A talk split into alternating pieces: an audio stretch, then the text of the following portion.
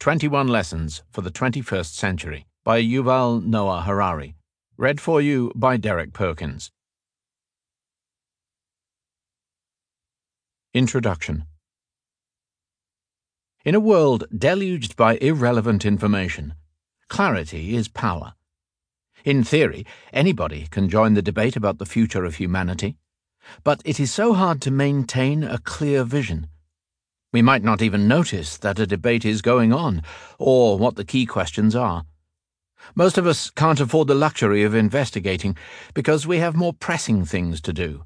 We have to go to work, take care of the kids, or look after elderly parents. Unfortunately, history does not give discounts.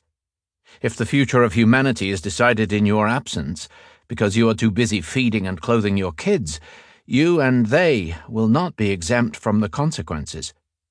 This is unfair, but who said history was fair? As a historian, I cannot give people food or clothes, but I can try to offer some clarity, thereby helping to level the global playing field. If this empowers even a handful of additional people to join the debate about the future of our species, I have done my job. My first book, Sapiens, surveyed the human past, examining how an insignificant ape became the ruler of planet Earth. Homo Deus, my second book, explored the long term future of life, contemplating how humans might eventually become gods and what the ultimate destiny of intelligence and consciousness might be. In this book, I want to zoom in on the here and now. My focus is on current affairs and on the immediate future of human societies. What is happening right now? What are today's greatest challenges and most important choices? What should we pay attention to? What should we teach our kids? Of course, seven billion people have seven billion agendas, and as already noted, thinking about the big picture is a relatively rare luxury. A single mother struggling to raise two children in a Mumbai slum is focused on where she will find their next meal.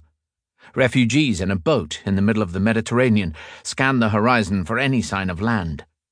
A dying man in an overcrowded London hospital gathers all his remaining strength to take in one more breath.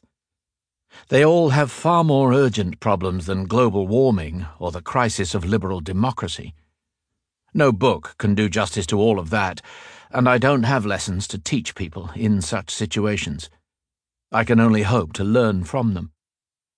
My agenda here is global I look at the major forces that shape societies all over the world and that are likely to influence the future of our planet as a whole. Climate change may be far beyond the concerns of people in the midst of a life and death emergency, but it might eventually make the Mumbai slums uninhabitable, send enormous new waves of refugees across the Mediterranean, and lead to a worldwide crisis in healthcare. Reality is composed of many threads and this book tries to cover different aspects of our global predicament without claiming to be exhaustive. Unlike Sapiens and Homo Deus, this book is intended not as a historical narrative, but rather as a selection of lessons. These lessons do not conclude with simple answers. They aim to stimulate further thinking and help readers participate in some of the major conversations of our time. The book was written in conversation with the public.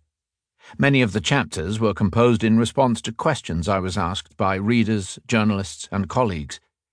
Earlier versions of some sections have already been published in different form, which gave me the opportunity to receive feedback and hone my arguments. Some sections focus on technology, some on politics, some on religion, and some on art. There are chapters that celebrate human wisdom, and others that highlight the crucial role of human stupidity. But the overarching question remains the same.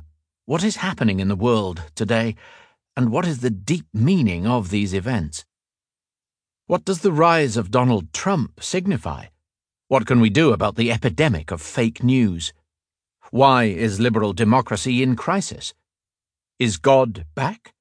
Is a new world war coming? Which civilization dominates the world? The West? China? Islam? Should Europe keep its doors open to immigrants? Can nationalism solve the problems of inequality and climate change? What should we do about terrorism? Though this book takes a global perspective, I do not neglect the personal level. On the contrary, I want to emphasize the connections between the great revolutions of our era and the internal lives of individuals. For example, terrorism is both a global political problem and an internal psychological mechanism. Terrorism works by pressing the fear button deep in our minds and hijacking the private imaginations of millions of individuals. Similarly, the crisis of liberal democracy is played out not just in parliaments and polling stations, but also in neurons and synapses. It is a cliche to note that the personal is the political, but in an era when scientists, corporations, and governments are learning to hack the human brain, this truism is more sinister than ever. Accordingly, this book offers observations about the conduct of individuals as well as entire societies. A global world puts unprecedented pressure on our personal conduct and morality. Each of us is ensnared within numerous all encompassing spider webs, which on the one hand restrict our movements, but on the other transmit our tiniest jiggle to faraway destinations. Our daily routines influence the lives of people and animals halfway across the world, and some personal gestures can unexpectedly set the entire world ablaze, as happened with the self immolation of Mohammed Bouazizi in Tunisia which ignited the Arab Spring, and with the women who shared their stories of sexual harassment and sparked the hashtag MeToo movement. This global dimension of our personal lives means that it is more important than ever to uncover our religious and political biases, our racial and gender privileges, and our unwitting complicity in institutional oppression. But is that a realistic enterprise? How can I find a firm ethical ground in a world that extends far beyond my horizons, that spins completely out of human control, and that holds all gods and ideologies suspect? This book begins by surveying our current political and technological predicament. At the close of the 20th century, it appeared that the great ideological battles between fascism, communism, and liberalism had resulted in the overwhelming victory of liberalism.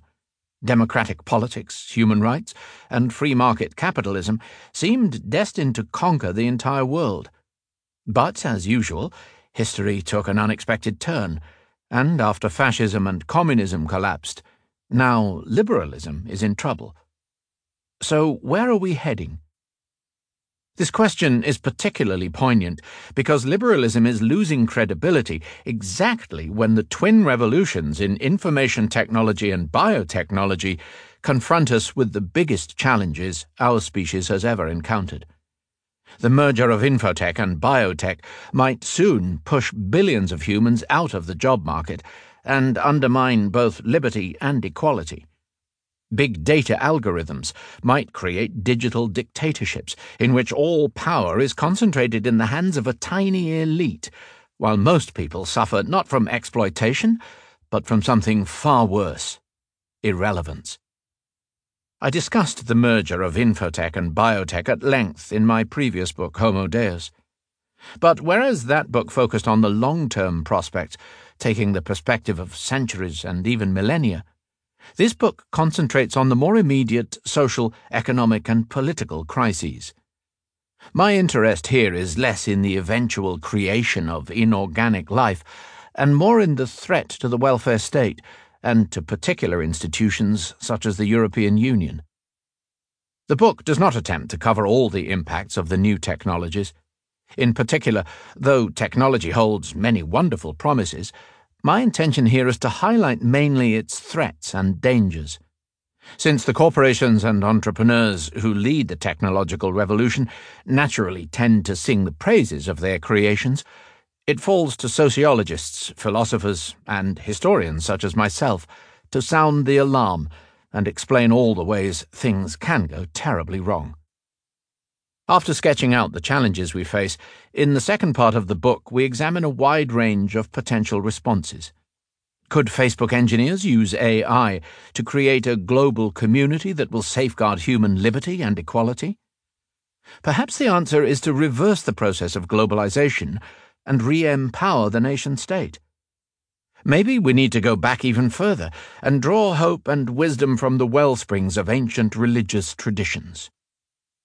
In the third part of the book, we see that though the technological challenges are unprecedented and the political disagreements intense, humankind can rise to the occasion if we keep our fears under control and be a bit more humble about our views.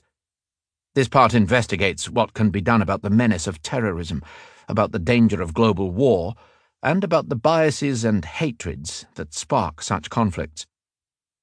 The fourth part engages with the notion of post truth and asks to what extent we can still understand global developments and distinguish wrongdoing from justice. Is Homo sapiens capable of making sense of the world it has created?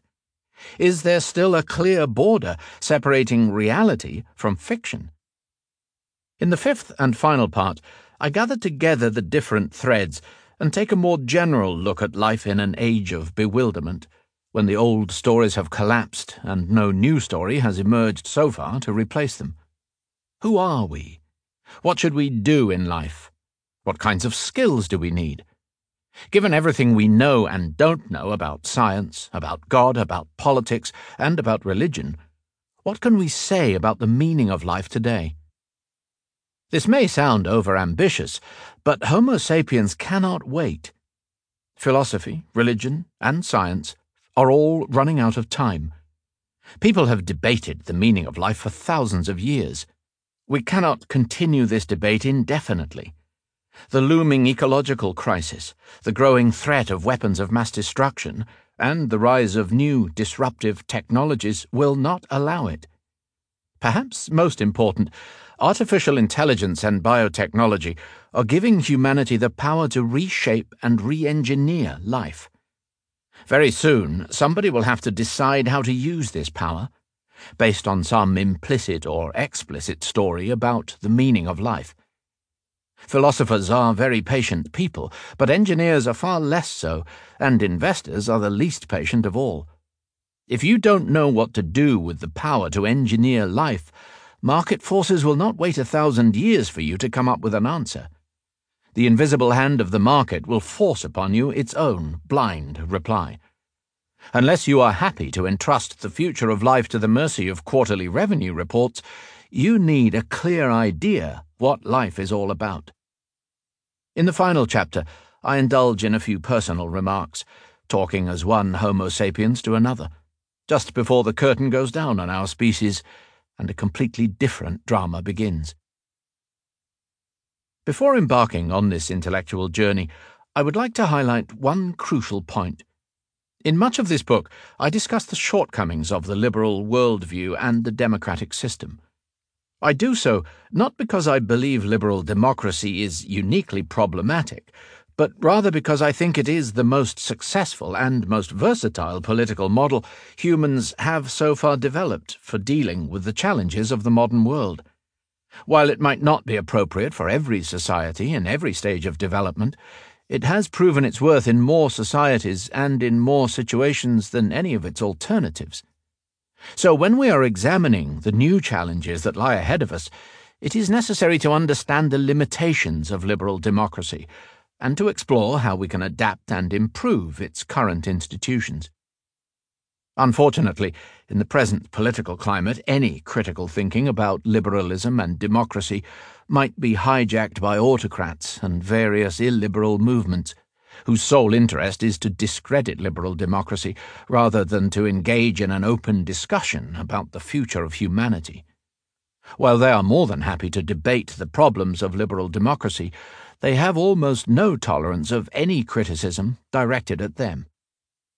As an author, I was therefore required to make a difficult choice. Should I speak my mind openly and risk that my words might be taken out of context and used to justify burgeoning autocracies? Or should I censor myself? It is a mark of illiberal regimes that they make free speech more difficult even outside their borders. Due to the spread of such regimes, it is becoming increasingly dangerous to think critically about the future of our species. After some soul searching, I chose free discussion over self censorship. Without criticizing the liberal model, we cannot repair its faults or move beyond it. But please note that this book could have been written only when people are still relatively free to think what they like and to express themselves as they wish. If you value this book, you should also value the freedom of expression.